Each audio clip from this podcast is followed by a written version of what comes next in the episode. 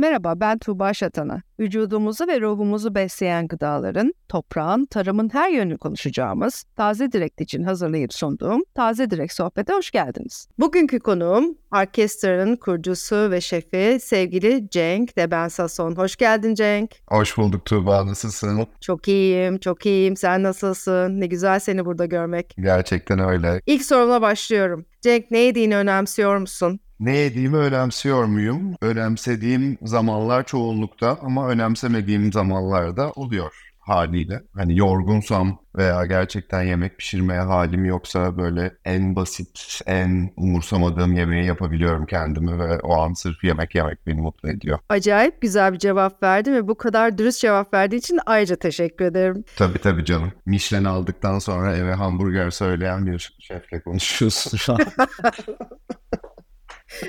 Onu ben biliyordum evet. Gayet rahat hiç. Fransız ekolünde okudun ve takiben meslek eğitimini de Paul Bocuse aldın. Ee, neden mutfak? Yani bir aşk mı oldu, bir heves mi, bir merak mı? Ya nasıl başladı bu? Anlatsana. Valla seve seve anlatırım. Aslında mutfaktan evvel başka şeylerle başladı. Hani biraz böyle daha hani nasıl bir ailede büyüdüğümü anlatmakla başlayabilirim. Aslında daha mantıklı olur. Hani anne babam aslında çok yemek ana konumuz yemek hiçbir zaman çok olmadı. Hep böyle spor yaparlardı. Çok fit bir anne babanın oğluyum. Benim küçüklüğümde de böyle evde hep bir rejimler yapılırdı. Sağlıklı beslenilirdi. Yağsız peynirler, yağsız sütler olurdu. O yüzden de ben de e, kendi yemeklerimi böyle sos katmak zorunda hissetmiştim kendimi. İşte ne bileyim böyle bir makarna piştiğinde ona ekstradan sos yapardım. Kendi soslarımı yapardım vesaire. Onun da evvelinde aslında bana böyle bütün sporları denettiler. İşte tenis oynadığım zaman oldu, basket oynadığım zaman oldu falan filan. Sonrasında ben bir ara müziğe başladım. Lise zamanı Serjuzef'te okumuştum. Ve müziğe başladıktan sonra gitar çalmaya başladım. İşte böyle Taksim'de bir grubumuz vardı konserler veriyorduk, cover grubu gibi. Sonrasında da bütün derslerim bir düşmeye başladı. Sadece müzik yapmaya başladım. O sıralar bir de karikatür çiziyordum. Yani çocukluğumdan beri karikatür çizen birisiyim. Bunların arasında gidip geliyordum aslında. Yani müzik mi, karikatür mü falan gibi. Sonrasında da aslında boğazıma düşkün olduğumu da fark ettim. Lise 2 zamanı gibi. O zamanlarda da biliyorsunuz Türkiye'de lise zamanı neye, ne yapmak istediğimize karar vermemiz gerekiyor gibi bir baskı oluyor. Neden sizce? O yaşta hani bir şeyleri tahmin etmemiz bekleniyor. O yüzden bir, ne olacağım diye bir merak ettiğimiz bir zaman olmuştu. Ee, annem de bana sağ olsun iki tane staj ayarlamıştı. Biri bir otelin mutfağında, güneyde, Antalya'da bir otelde mutfağında bir staj ayarlamıştı. Bir de Leman Kültür'de e, çizerlerle birlikte bir staj ayarlamıştı. Bir sömestr tatilini ben bu staja ayırdım ve e, ilk önce mutfaktaki staja gittim. iki haftalık. Orada ustalar beni çok iyi ağırladılar. Çok tatlı ağırladılar. Tabii ki de hani çok çalıştırmadılar. Sonuçta bir hani keşif stajı gibi bir staja yollandım. İşte oradaki soğuk odalara girmeceler, işte mezelere böyle parmak atıp tatmacalar falan çok hoşuma gitti. Sonrasında da Leman Kültür'deki stajı yapmamaya bile karar verdim.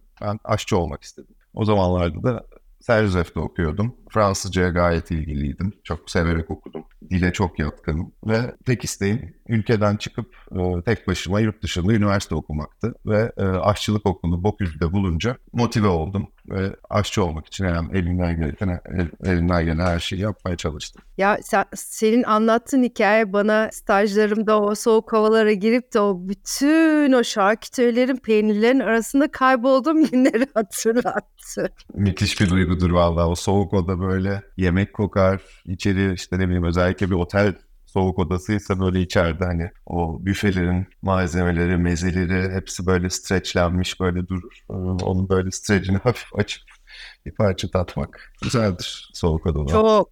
Bir de soğuk havada kimse seni bulamaz ya. Sen bir tabii, birden tabii. girer birden çıkarsın. Daha sonra çalıştığım otel mutfaklarında da hep böyle. Fakat yıllar içinde tabii o soğuk havada gördüğüm ürünleri her gün görünce neyse nefsin de bir şekilde doyuyor.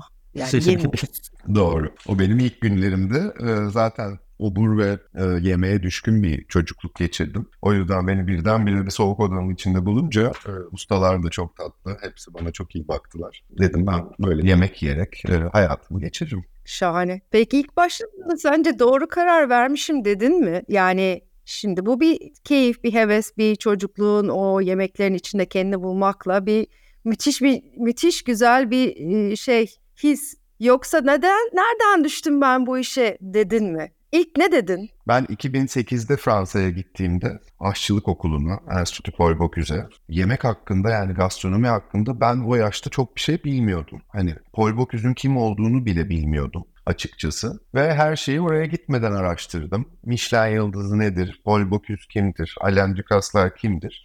Bir şekilde internetten bulabildiğim kadar bilgiyle bir şekilde kabul gördüm ve okula başladım. Orada ama okulun hani eğitim programı çok enteresandı. Gerçekten çok farklı bölümlere bizi soktular ders olarak ve bu derslerin hani başlangıç saatleri değişiyordu. Sabahın dördünde kalktığımız bir Ekonoma dersi diye bir ders vardı. Ekonoma e, malzemelerin işletmeye giriş yaptığı hani e, ofiste çalışıyorduk, depoda çalışıyorduk ve depoda mesela hani her kalktığım sabah ben ne yapıyorum ya yani benim başka bir hayatım vardı gibi hissediyordum ilk seneler. Aslında okul çok kolay geçmişti ama ilk stajımıza gittiğimizde çok değerli yerlere stajlara gönderme opsiyonları vardı bizi okulun ve ben de Paris'teki bir restoranı seçmiştim e, Alain Senderens'in Luca kartonu. Zamanında ben oradayken iki Michelin'i vardı ve mutsuz bir mutfaktı. Yani çok yaratıcı, gerçekten çok önemli bir ekol olan bir mutfak ama içeride gerçekten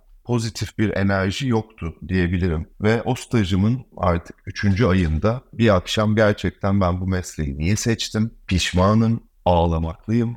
İşte annemi babamı aramak istiyorum ama utanıyorum. Kocaman da herifim falan. O zamanlar böyle bayağı bir zorlanmıştım. Ama e, o bir test sanırım.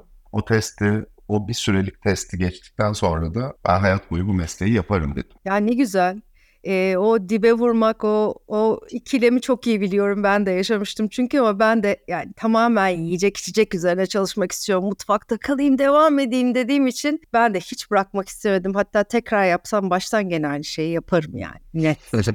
Çok net aslında hepsini dinlemek isterdim ama o kadar vaktimiz olmayacak. Çok değişik bir çalışma geçmişim var. Club Med'den Hilton'a, Fransa işte yıldızlı res- restoranlara, mutfaklara. Bir de LA'de private şeflik yaptığın, özel şeflik yaptığın bir acayip dönem var. Hangisini sevdin bunların ve hangisini sevmedin? Valla ilk Fransa deneyimlerini çok sevdim. Çünkü ilk çalıştığım o Zorze restorandan sonra çalıştığım her yer çok kolay geldi. Yani o anlattığım o stajdan sonra ee, hani çalıştığım her yerde gerçekten bir şef de parti pozisyonu değerinde bir pozisyonda çalışabildim.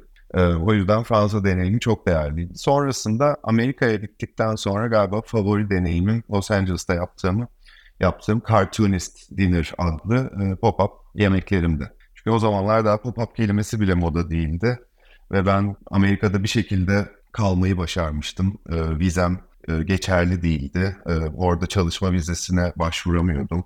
O yüzden restoranlara kapı kapı gidip CV'mi yollayamıyordum. Bir çözüm yolu bulmam gerekiyordu kiramı ödeyebilmek için ve hayatta kalmak için. O da evde yemekler yapmak oldu. Aşırı zevkli bir projeydi. Gerçekten hani tek başıma alışverişinden evi temizlemesine, mutfakta bulaşıkları yıkamaktan yemekleri yapmasına, akşam işte masayı kurup çatal bıçakları dizip hani bütün servisi tek başıma yapıyordum. Çünkü çalıştıracak birisini çalıştıracak gücüm yoktu. Aşırı zevkliydi. Yani tek başıma bir işi full e, full yapmak aslında çok takım gerektiren bir meslek dalının içinde e, beni çok challenge'a soktu ve çok çok hoşuma gitti. Aslında bildik isimlere de yemek yaptın sanıyorum değil mi? Belli isimlere de yemek yaptım. E, bir süre evimde yemekler başlattım. Sonrasında bir gün pazarda alışveriş yaparken Santa Monica Farmers Market'te hatta çok iyi hatırlıyorum. Şef Dave diye birisiyle tanıştım. Dave Rubel hatta. Dave Rubel e, beyaz saçlı, ton ton, pazarda alışveriş yapan bir adamdı. E, sonra bir muhabbet etmeye başladık. Sen de mi şefsin, ben de şefim vesaire.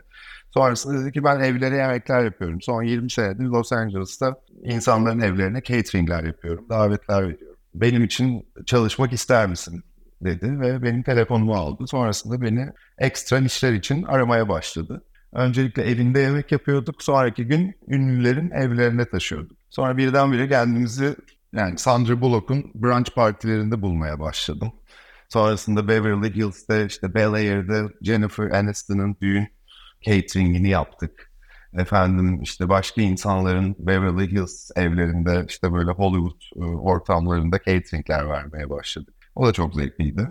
Sandra Bullock gerçekten çok çok çok kibar bir kadındı. Hayatımda gördüğüm en ünlü insan olarak hala e, aklımda e, yer edindi. Aslında bunları sormamın e, bir nedeni de ben seni tabii ki uzun zamandır tanıyorum ama e, seni birden orkestrada tanıyan, orkestrada gören çok insan var ve hani nereden çıktı bu çocuk genç daha orkestra ne nasıl mişlen aldı derken aslında e, Cenk'in çok e, uzun, çok değişik ve e, her yerde çalıştığı yani her bölümde çalıştığı bir geçmişi olduğunu bir de altın çizmek istedim. Yani aslında başarının hiçbir şekilde tesadüf olmadığını biraz da aslında dinleyenlere belki yeni öğrencilere daha taze şeflere biraz da anlatmanı istedim. Onun için bunları özellikle soruyorum. Çok teşekkürler. Gerçekten bütün bu süreç boyunca yani 2008'den şu an 2023'e kadar hani çok fazla mesleğin içinde başka meslek kollarını deneyimledim ve bu e, bana oldukça kattı diye düşünüyorum. Ben onun tabaklarında görüyorum. Orkestrada menün biraz Asya, tamamen Fransız teknikleri, Türk malzemeleri çoğu. Bir şef olarak tarzını nasıl yorumlayabiliyorsun? Daha ilk senesi evet ama nasıl yorumlarsın? Bu sene için konuşalım. Daha sonra değişebilir sonuçta. Kesinlikle yani daha bir sene oldu açılı restoranı ama hani bu bir sene içinde bile hani ilk yaptığım menüden e, imza tabaklar oluştu ve hani bunları menüden çıkartamıyorum. Galiba hani bunlar da benim tarzımı belirliyor açıkçası. Hani çünkü hem misafirler tarafından sevildiğini görüyorum ve tekrar tekrar istendiğini hem de biz de vazgeçemiyoruz bazı menü kalemlerinden. Tarzım sanırım her zaman Fransız tekniğiyle bir düşünmeyi seviyorum. Bir tarifi e, ele aldığımda mesela şu an kış mevsimi geldi ve kış sebzelerini düşündüğümde aklım her zaman e, eski Fransız şeflerim nasıl yapıyordu veya Fransa'da nasıl öğrenmiştik veya Fransız tariflere giriyorum. O yüzden öncelikle bir olayın nasıl Fransızlaştırabilirim'e bakıyorum ama sonrasında da canım birdenbire ona bir işte ponzu koymak çekiyor veya işte onun bir makarna olması canım çekiyor. Çünkü hani her türlü yemeği seviyorum açıkçası. Yani bir Thai food'un da güzeli gerçekten çok güzel oluyor bir yurt dışında yediğinizde e, vesaire. İşte ama Korean fried chicken da çok güzel bir şey ama işte çok iyi bir sol meunier, çok iyi bir pate en croûte da çok Fransız bir şey. E, hepsinin ortamı farklı. O yüzden orkestra biraz böyle e, hepsini karıştırabiliyor gibi bir rahat bir ortamı olduğu için de keyfimiz ne istiyorsa aslında onu yapmaya çalışıyoruz. Biraz da özgür bir e, palet, özgür bir menü de sunuyorsun. Benim hep geldiğim, gördüğüm şey de. Peki tam bunun devamında nelerden ilham alıyorsun? Sezonu yaklaşmakta olan ürünlerden ilham alıyorum. Aynı zamanda su şefimle birlikte alıyoruz diyeyim. Sallıyorum kestane mevsimi yaklaştı.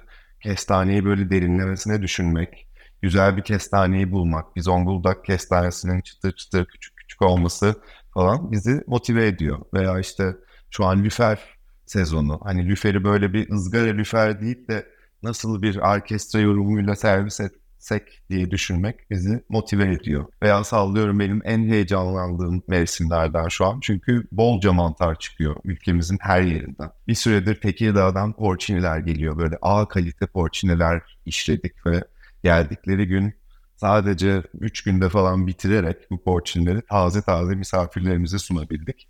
Bunlar beni bayağı motive ediyor ve e, ilhamımı gerçekten taze malzemeyi düşünerek e, alabiliyoruz. Peki malzemeye ulaşman, çiftçiye ulaşman, üreticiye ulaşman kolay mı ve bunun devamında o ürünü tekrar bulabilmek kolay mı? Kolay değil maalesef. Hani her istediğimiz ürün sezonunda bile olsa sürekliliği olamayabiliyor. Ama biz de açıkçası menüye bir şey koymadan onun araştırmasını iyi yapmayı tercih ediyoruz. Çünkü burada yaşıyoruz, bu coğrafyada yaşıyoruz. Buranın lojistik sorunlarını bilerek yaşamak zorundayız. Buranın hani burada elde edemediğimiz e, kolaylıkları bilerek bence e, yaşamak durumundayız. O yüzden malzememiz de sürekliliğinin olup olmadığını iyice teyit ettikten sonra menüye koymaya çalışıyorum. Eğer ki çok kısa süreli bir malzeme ise de hani günün spesiyeli gibi veya şefin spesiyeli gibi e, günlük bir yemek gibi sunmayı tercih ediyorum. Biraz önce biraz bahsettin, biraz girdin konuya ama tabaklarında yani bir tabak tasarlarken en önem verdiğin unsur ne? Birçok unsur var. Yani öncelikle tadının çok güzel olması gerekiyor. Kural bir bence bu. Hani tat uyumunun çok birbirine karışmış olmaması e, özellikle hoşuma gidiyor ikinci olarak. Sonrasında da e, tabakta kullandığım malzemeler dokusal ve renksel olarak birbirlerine uyumlu mu? Bunu düşünmek benim en çok keyif aldığım şeylerden oluyor. Hani tat tabii ki de çok önemli. Aşçılığımızın en büyük, e, en önemli parçalarından ama e, benim hani karikatür ve resim çizme geçmişimden dolayı da sanırım hani tabağın son finali e, nasıl gözüküyor? Onu öncelikle kağıtta çizmeyi tercih ediyorum. Kağıtta çizip renklerini hayal ettikten sonra da genelde ee, onları kafamda oturttuğumda tabakta sonrasında içime siniyor ve misafirlerime de sevdirebiliyorum açıkçası. E, o zaman önce sen e, yemeği sondan başlatıyorsun. Tabak tabakta nasıl göründüğünü çizip ondan sonra Kesinlikle yani hiçbir zaman mutfağa gelip düşünüp işte bir soğan alayım sonrasında dolapta motive olayım başka bir şeye bakıp sonra bir yemek yapayım gibi yemek kesinlikle yapamıyorum Tuğba. Yani yemeği gerçekten öncelikle kağıtta başlatıyorum. Hani zamanında çünkü bütün çocukluğum beyaz bir kağıda bir şeyler çizerek başladı. Ve hatta yani çizdiğim bir şeyi böyle küçücük bir şeyle beğenmezsem yeni sayfaya geçerim. Hani silmekle de uğraşmam falan. Öyle bir obsesifliğim vardır. O yüzden hani yemeği çizmeyi çok seviyorum. Eskiz yapmayı çok seviyorum. Ve eskizinde de hani tabii ki de malzemeyi de hayal ediyorum. Sezonunu hayal ediyorum. Tadını hayal ediyorum. Rengi pişince neye döner? Onun altına bir tık kırık bir beş rengi koyarsam neye benzer falan. Hani tabağın o rengini, o finalini düşünmek, çizmek beni gerçekten tabağa götürüyor ve şu anda aslında orkestrada çok gururlu olduğum bir şey söyleyebilirim. Hani çoğu signature imza olmuş tabakları e, ben restoranı açmadan aylar evvel iPad'ime çizmiştim. E, hatta gösterebilirim sana. Ay müthiş bir şey anlattın. Ne güzel paylaşman. Çok teşekkürler. Peki aslında çok sorun var ama vaktimiz çok az kaldı. E, mutfakta kırmızı çizgin ne? Güzel soru. Birçok kırmızı çizgim var. Ee, iş yapıyor gibi gözüküp iş yapmayan e, aşçıyı te- sevemiyorum açıkçası. Yani bir şekilde mutfakta her zaman bir iş var. Restoranda her zaman bir iş var. Yani kafanızı sadece böyle bir 360 derece bir döndürmeniz yetiyor bir şey görmek için. Bir eksiği görmek için. Ee, o yüzden hani böyle işler bitmiş ve e, sanki iş yokmuş gibi bekleyen ve duran aşçı e, benim kırmızı çizgim e, insanlara her zaman bir iş yaptırmaya çalışıyorum. Herkes hep hareketli olabileceği bir e, ortamda çalışıyoruz. E, ve güzel bir şey hareketli olmak. Kötü anlamda e, bir baskı uygulamıyorum kimseye ama anlatabildim mi? evet, evet, evet, evet, güzel anlattın. ee, bu soru benim için çok kıymetli bir soru. Sektörde ben de 30. senem olduğu için bu sene çok ekiple çalıştım. Çok ekip gördüm, çok açılış yaptım, çok mutfak gördüm, çok restoran gördüm ama e, çok mutlu ekip herkesin mutlu çalıştığı, bir başarıyı da başarısızlığı da beraber sırtlandığı bir ekip yarattınız siz ve bunu çok kısa bir zamanda yaptınız. Öncelikle tebrik ederim. Ben bunu gördüğüm için söyleyebiliyorum, yaşadığım için, geldiğim zaman çok kendini gösteren bir ortam olduğu için bunu fark edip söyleyebiliyorum. Nasıl yaptınız bunu? Tek başına yapmadığın Çok tabii teşekkürler. bilmiyorum. Bunu her seferinde fark edip söylediğin için de ayrıca teşekkür ediyorum Tuğba. Bu beni bayağı gururlandıran bir soru. Çünkü biz e, restoranı açmadan evvel hani bir şekilde yemeği benim güzel yapacağımı tahmin ediyorduk. Veya hani güzel bir yemek çıkacaktı. E, Tayfun e, Mumcu mimarımıza gerçekten çok güvendik. Müthiş bir mekan yapacağını biliyorduk. E, Deborah'nın çok güzel bir müzik seçkisi olacağını tahmin ediyorduk. Bunlar sorun değildi. Ama e, kimleri aramıza alacağız, ekip kim olacak bunu çok merak ediyorduk. Yani biz bir ara 3 veya 4 kişi çalışırken Deborah ben su şefim ve genel müdürümüz şirketin en başında kuruluşunda. En merak ettiğim şey aramıza kimler katılacak, nasıl insanlar katılacak, hani nasıl hayatlardan haberdar olacağız. Bu bizi çok çok heyecanlandırmıştı. Ve gerçekten ilk iş görüşmesinden ta şu güne kadar yaptığımız iş görüşmelerine kadar hep aynı e, profilde olan, aynı profilden kastım sadece aslında kalbi temiz, düzgün, genç insanlarla çalışmayı tercih ediyoruz. Genç veya yaşı olan hani ama insanların gerçekten bir e, iş görüşmesinde böyle bir kalplerinin temizliğine bakıyoruz. Hani CV'lerindeki kariyer e, şeyleri dışında.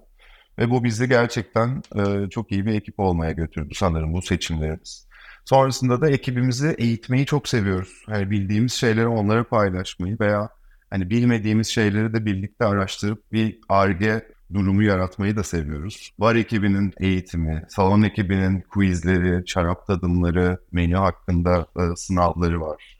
İşte mutfak ekibi, mutfak ekibi aslında tam bugün başlatacağımız bir oyun başlatıyoruz. İşte mutfak içinde performans arttırıcı, kurayla takımlara ayrıldıkları, her bir takımın bir görevi üstlendiği, bir yemek yapması gerektiği küçük küçük takım içi oyunlar oynuyoruz. Takımı çok fazla e, dışarıya gezilere götürüyoruz. Mantar toplamaya götürdüğümüz oluyor, şarap bağlarını götürdüğümüz oluyor gibi gibi.